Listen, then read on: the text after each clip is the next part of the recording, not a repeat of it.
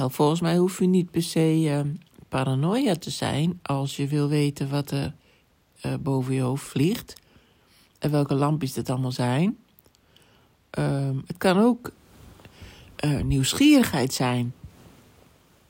Want ik zou er inderdaad wel nieuwsgierig naar kunnen zijn. Ik heb hier nog nooit uh, aan gedacht om zoiets te doen, maar ik ben wel uh, naar een lezing geweest over buitenaards leven. En ehm, dat vind ik dan toch wel heel erg grappig.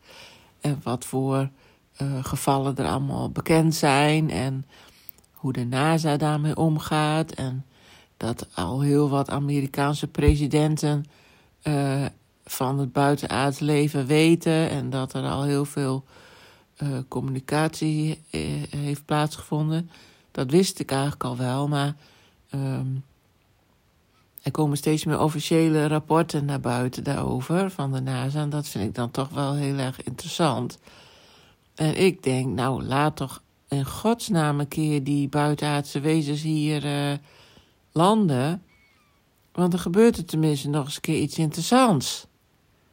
Het lijkt me superleuk, want ja, verder valt hier in mijn beleving niet zoveel uh, uh, interessants meer te beleven. Maar uh, dat zou ik dan nog wel een keer leuk vinden. En laat ze dan vooral meteen die huizen van die psychiaters binnenlopen.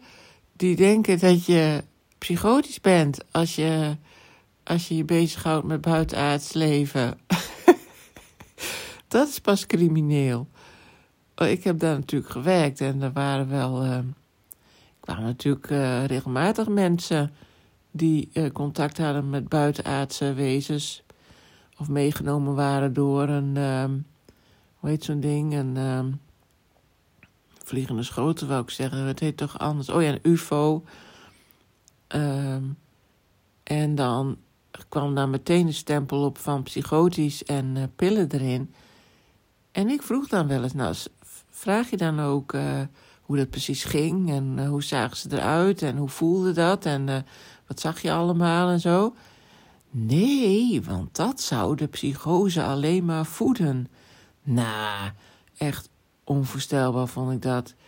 Kun je eindelijk eens een keer iets interessants horen en dan, en dan, dan zet je dat weg als uh, gestoord of ziek. Nou ja, ik vond het omgekeerd. Ik dacht, die psychiaters die zijn zo beperkt en zo narrow-minded, onvoorstelbaar.